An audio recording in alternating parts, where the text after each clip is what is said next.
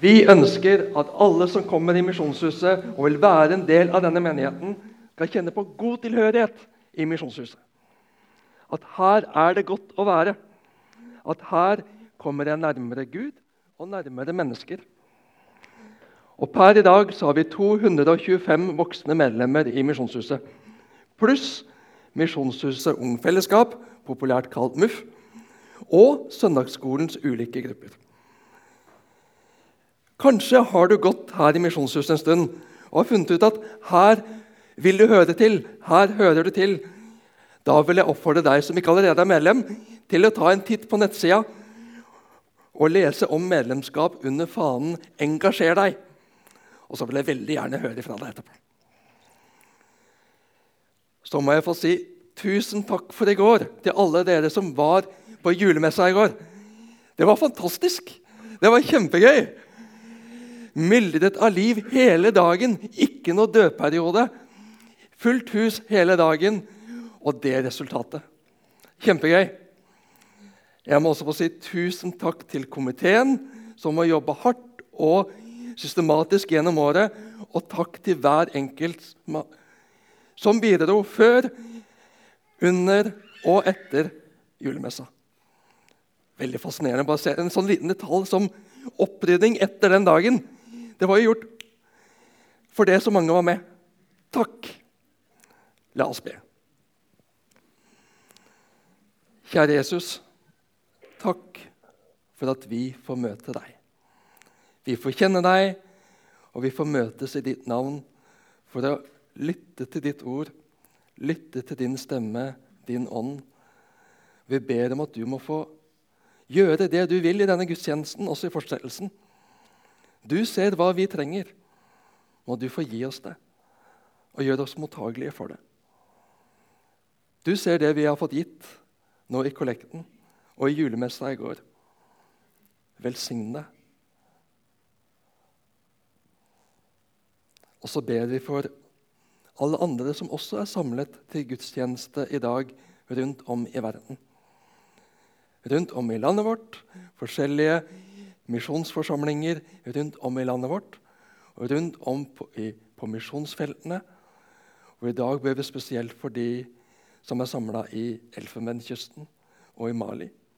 Kanskje små grupper, ferske kristne, søkende mennesker. Må ditt ord få gjøre sin gjerning også der til nytt liv, til frelse, til ditt rikes utbredelse. Må det realiseres i alle land denne dagen, Jesus. Vi ber om intet mindre. Amen. Nå har Aslaug allerede avslørt navnet på dagen. Og Jeg må si, jeg, jeg hoppa ikke i taket når jeg så hva denne dagen heter. Domssøndagen. Det er liksom Det er ikke det som skaper mest begeistring, kan du si. Og Ved siste revidering så var det kanskje noen biskoper andre i, i kirkelig sammenheng som tenkte at det er litt hardt. La oss også ha med et annet perspektiv. Kristi kongedag. Og det er også viktig. Kristus konge, du regjerer. Jesus som er herre over himmel og jord. Han som har vært der fra evighet av. Han som har skapt, og vår tid startet. Han som har gitt alt liv. Han som steg ned og ga sitt liv for å vinne tilbake, kjøpe, fri, ta den rettferdige straffen for synden i alle dens former. Jesus skal en dag komme tilbake for å felle en rettferdig dom over sin skapning. Og vi har en søndag som denne i kirkeåret, ikke for å skremme, ikke for å trykke ned, men for å vekke opp. Er du som meg, så blir den lett tatt av alle tingene, alt som skal gjøres, alt som vi, vi må få i orden. Vi har nok med å overleve til tider. Perspektivet snevres da ganske betraktelig inn. Og Vi lever i en verden hvor perspektivet er fra vugge til grav. Men Guds perspektiv er større. Derfor skal Guds barns perspektiv være større. Vi vil løfte blikket. Vi vil utvide perspektivet. Vi lever for noe mer enn relativt få år her. Jesus skal komme igjen for å hente alle sine hjem til seg. Hva da? Blir jeg med? Dommen? Hva blir dommen over meg? Er jeg klar til å møte dommen? Hvor fester jeg blikket i møte med tanken på dom? Vi skal lese sammen fra Guds eget ord til oss, slik vi finner det i Johannes 9, 39-41. Vi kommer inn avslutningsvis i kapittelet hvor vi får høre om hvordan Jesus helbredet en som var født blind.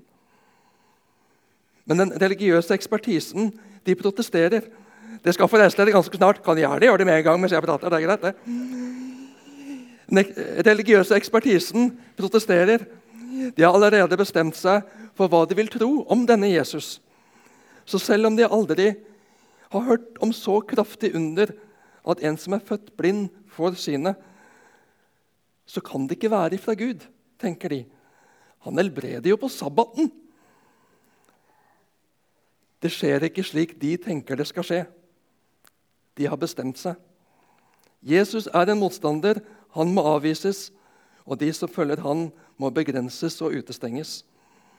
De har lukket sine øyne og sinn for at Jesus er fra Gud. For at Jesus er frelseren. For at Jesus er Messias. Og da skal vi lese fra Bibelen, fra Johannes 9. Da sa Jesus, 'Til dom er jeg kommet til denne verden.' Så de som ikke ser, skal bli seende, og de som ser, skal bli blinde. Noen av fariseerne som sto der, hørte dette og sa til ham, 'Kanskje vi også er blinde?' Jesus svarte, 'Var dere blinde, hadde dere ingen synd.' Men nå sier dere, 'Vi ser.' Derfor blir deres synd stående. Slik lyder Herrens ord. Vær så god, sitt. Fariseerne fulgte ikke Jesus fordi de elsket ham, men fordi han var en trussel for det de regnet som deres egen sikkerhet. Og sånn er det med Jesus til alle tider. Det er ikke så farlig å snakke om Gud, kanskje, som et allment religiøst begrep, som en kraft. Men å snakke om Jesus er mer krevende. Jesus setter skillet. Jesus er konkret. Han er en person. Jesus er direkte. Han stiller krav. Hos Jesus er det ikke trynefaktor. Jesus er rettferdig. Og Jesus gjennomskuer all falsk og egenbygd fromhet. På den måten er Jesus brysom. Vi kan ikke spille for Jesus slik som vi kan spille for andre mennesker. Jesus gjennomskuer det. Så snart jeg begynner å bygge på andre ting enn ham, blir Jesus en trussel for meg. Han skaper en uro. Når min tjeneste blir viktigere for meg enn Jesus, da skjer det noe med frelsesvissheten min. Når jeg fristes til å henge meg på materialismekarusellen, om det er interiørbølger, lønnskamp, trefortsjuka, hytteengasjement, og det kommer mellom meg og Jesus, da blir Jesus litt brysom. Når sikkerheten min ligger vel så mye i bankkonto, forsikringer og pensjonsordninger, da gir ikke Jesus meg helt fred. Spørsmålet blir utfordrende, og det kan gnage. Hva er egentlig min Gud? Hva er det jeg stoler på egentlig? Til dom er jeg kommet til denne verden så de som ikke ser, skal bli seende, og de som ser, skal bli blinde. Vi er mange høyt utdannede og velsituerte mennesker i Misjonshuset. Vi sitter rimelig trygt i det. Vi sitter rimelig trygt og godt i det økonomisk, de aller fleste av oss. Og det skal vi passe på å takke Gud for. For tar vi det for gitt, så står vi i fare for å se oss blinde på det. Problemet var ikke de nødlidende som søkte hjelp. Problemet var de velsituerte som syntes de klarte seg veldig bra. Og jeg skal ærlig innrømme at jeg er glad for at jeg lever i dag og ikke på Jesu tid. Noen ganger skal vi drømme om hvor flott det hadde vært å være der. Se Jesus fysisk, høre han forkynne, se underne miraklene han gjorde. Det måtte jo vært fantastisk. Ja, det måtte det ha vært. Samtidig så er jeg ikke sikker på hvilken gruppe jeg hadde vært i. Hvilken side jeg hadde stått på. Jeg er redd jeg hadde vært blant fariseerne, som syntes at Jesus var et uromoment som var vel høy på seg selv. Som måtte settes på plass. Det er jo flott at han hjelper folk, men teologien hans passer ikke helt inn. Jeg er glad jeg har fått bli kjent med Jesus i ettertid med et større perspektiv, med Skriftene og apostlene, fiskerne og tollernes klarsyn og utlegning, så jeg kan se Jesus som den frelser og Herre, den Guds sønn han er. Og jeg trenger å stadig hentes tilbake dit. For jeg blir så glad i tingene mine. Jeg er så glad for bufferen jeg har i banken. Pensjons- og trygdeordninger, Velstands-Norge som passer på meg. Jeg er så glad i jobben min, tjenesten min, familien min. Hans velsignelser som fort får mer fokus enn velsigneren. At jeg stoler på gavene istedenfor giveren. At det hele blir en avgud for meg. Hva stoler jeg egentlig på? De påberopte seg å ha alt i orden. De kunne det. De hadde kontroll. Med Guds hjelp, ja, Guds nåde, så var de Guds folk. Og de veileder samvittighetsfullt sine brødre og søstre og la vind på å være gode forbilder. Men de så ikke Jesus. Derfor var de blinde åndelig sett. Utdannelse hadde de. Fromhetslivet hadde de. Dedikasjonen hadde de. Respekten og anerkjennelsen hadde de. Bygg og klenodier hadde de. Men de hadde ikke Jesus. Jesus kom. Gud kom til jord for å gjenåpne paradis. Paradis, Guds rike, Guds nærhet, som skapningen ikke tålte pga. synden. Vi ble adskilt, vi ble blinde åndelig sett. Problemet er at vi påberoper oss å se ganske godt. Sjøl måtte jeg til opptekkeren her siste uke. En god porsjon selverkjennelse måtte til for å innrømme behovet. Jeg ser dårligere og dårligere. Jeg som syntes at det så ganske godt ganske lenge. Gud tok tak. Gud har hjertet for sin skapning. Gud kan ikke sitte stille og se at hans skapning forviller seg lenger og lenger bort. Han kommer. Han gjør under og mirakler. Hans undervisning skiller seg ut. Han taler med en helt annen makt og myndighet enn de skriftlærde. Det skaper misunnelse. Hadde de erkjent det og bøyd seg, så hadde det ikke vært noe stort problem. Men de forsvarer seg og gjør motstand og de tror at de gjør det rette. Gjør det rette. De er blinde. Men Guds verk lar seg ikke stanse, heldigvis. Jesus fullfører verket. Han soner all verdens synd ved sin lidelse, død og oppstandelse. Den fullkomne ofrer seg selv for de ufullkomne. Han tar straffen vi skulle ha han bærer det vi ikke er i stand til å bære. Han ordner opp for oss. Ja, men vi vil jo helst ordne opp selv, da. Jeg skal nok klare det. Blind. Jesus venter. Jesus lengter. Jesus kaller. Jesus roper til deg og til meg og til alle verdens mennesker domssøndag. Ikke fordi det er så moro, ikke fordi det føles så godt, men fordi det skal vekke oss opp. Slik at vi er våkne, slik at vi er sene når Jesus kommer igjen. Jesus har jo tatt dommen på seg.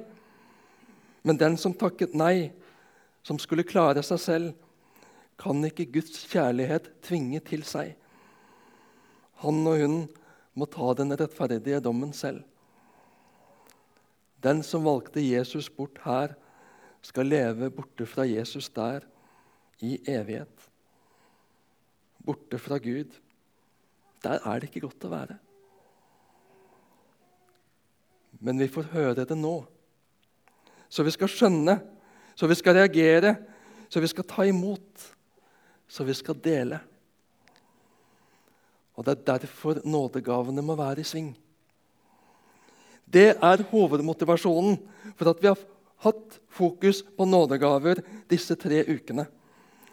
Nådegavene er ikke smykker vi pynter oss med når vi skal være ekstra fine. Nådegaver er Guds redskaper i Guds redningsaksjon. For at de skal se, for at de skal tro, for at de skal omvende seg og bli frelst før det er for sent. De er ikke åndelig blinde fordi de vil være åndelig blinde. De færreste har avvist den sanne, levende Jesus. De har bare ikke sett ham. De er forblindet av karriere. De er forblindet av velferdssamfunnets ordninger som skal sørge for dem.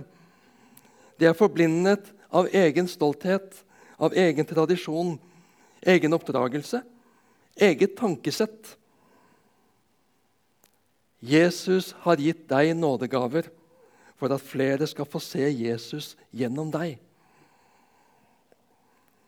Omsorgen han har lagt ned i ditt hjerte for din ufrelste nabo, er Guds omsorg og hjerte for det mennesket. Bønnen som du ber om sjelers frelse, er Guds ånds virke i deg. Din, din håndsrekning til den som ikke var like heldig som deg i livets lotteri, er Guds kjærlighet i praksis gjennom deg. Du får lov til å være med i Guds redningsaksjon. Gud har lagt noe av sitt hjerte ned i deg for sin skapning. Det er nåde. Det er gave. Ditt kunnskapsord inn i menneskets liv er en døråpner for å vise at Jesus ser det mennesket og vil det vel. Din trosgave til å stå på, til å ikke gi opp, til å tale for, kjempe for, svette og arbeide for å realisere visjonen som du har fått, for at andre skal få se, få ta imot, få oppdage og komme i relasjon med Frelseren, med Messias, med Jesus, Guds sønn. Du har drømmer, du har visjoner, for å få i stand et bygg, for å få i gang et arbeid. For du har fått et glimt av hva Gud vil gjøre gjennom det. Du har fått tro for å bryte opp ifra hjemplass og trygg og kjent tilværelse, for å reise til et helt annet land, en helt annen kultur, til et folk med en helt annen tenkemåte. For Jesus har gjort noe med deg. Han har fylt deg med en nød for og en kjærlighet til det folket. At de må få se, at de må få tro, at de må bli frelst ved at de får høre om og oppdage Jesus. Din helbredelsesnådegave skal ikke peke på deg eller opphøye deg eller gjøre deg så spesiell, men åpenbare Jesus for dem som trenger akkurat et slikt tegn for å bryte ned motstanden. For å ta skjellet fra øynene, så de kan se ham som han er, gjennom deg. Er ikke det stort? Din nådegave til å prøve ånder skal hjelpe mennesker som strever og leter i alle mulige alternative retninger for å finne fred, for å finne ro, for å finne meningen med livet. Kjærlig få avsløre og lede på rett vei mot Jesus, til nytt liv og frelse i ham. Hvor kan dette skje? Det kan skje ved postkassa di, der du møter en nabo. Naboen opplever seg sett og merker en varme i møte med deg Fordi du har vært i Jesu nærhet og blitt preget og utrustet av ham. Han skal gjøre det. Det kan skje på kafé. Etterpå kan det være vanskelig å si hvordan det begynte. Men en samtale ble til. Et guddommelig nærvær var der og skapte et rom, en relasjon. Jesus blir synlig. Det kan skje ved sykesengen. Et langt liv går mot slutten. Noe ble maktpåliggende for vedkommende å få svar på, og du fikk være Guds redskap der og da. En relasjon oppsto i forlengelsen av et foreldremøte, og dere har fortsatt å holde kontakten. Du begynte å be for vedkommende, og du får ideer om nye møtepunkt og nye samtaler utvikler noe verdifullt. Engasjement i fotballgruppa til guttungen skapte en kontaktflate hvor du får vise at kristne er helt normale folk som har en forankring i Jesus, som preger ens valg og prioriteringer. Jeg lever ikke lenger selv, men Kristus lever i meg. Men like fullt et realt menneske som det er godt å snakke med, og som kanskje til og med har noe som den andre får lyst på når den er i lag med deg.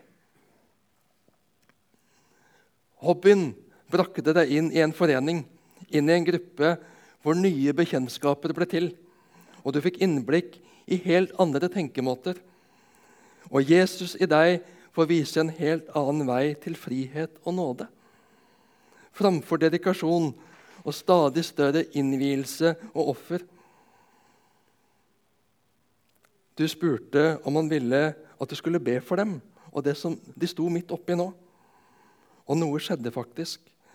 Og det åpnet øynene for en ny dimensjon i livet. Jesus ble synlig. Du la ditt hjerte for den gruppa innover forsamlingen gang etter gang, for du hadde sett noe. Du hadde en nød, og snart ble flere tent for det samme. Og det vokste fram noe nytt, til velsignelse for forsamlingen og en helt ny tilværelse for denne gruppa. Trosgaven bar det fram. Nådegaver i sving. Ikke som noe svulstig, påfallende åndelig, men Guds ånds virke gjennom Jesu etterfølgere, som har blitt fylt av ham, utrustet av ham, som lever sitt ordinære liv i Guds tjeneste. Alt er mulig for Gud. Og en dag skal vi fram for Guds domstol. Hvor er tankene våre da? Hvor er blikket vårt festa da? Har vi ikke ofret mye for deg, Jesus? Har vi ikke gjort mektige gjerninger i ditt navn, Jesus? Det vil ikke holde. Det har Jesus sagt oss på forhånd for at vi ikke skal falle i den Satans felle. Du skal få se på Jesus. Han som ble såret for våre lovbrudd, knust for våre synder. Straffen lå på ham, vi fikk fred. Der er vår fred. Der er vår forsikring for dommedag. Der er vår rettferdighet. Jesus alene.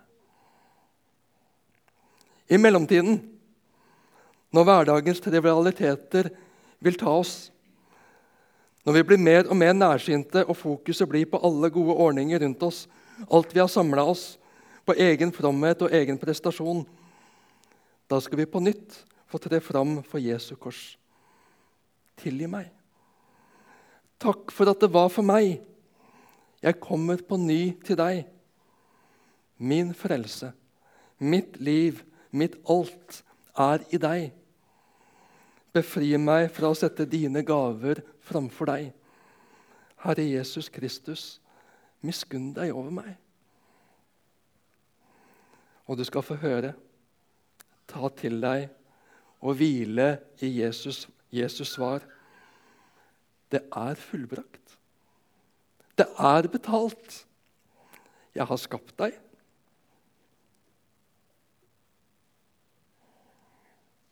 Jeg har frelst deg. Jeg har kalt deg ved navn. Du er min. Og når dagen er inne, skal du få tre inn i Guds paradis.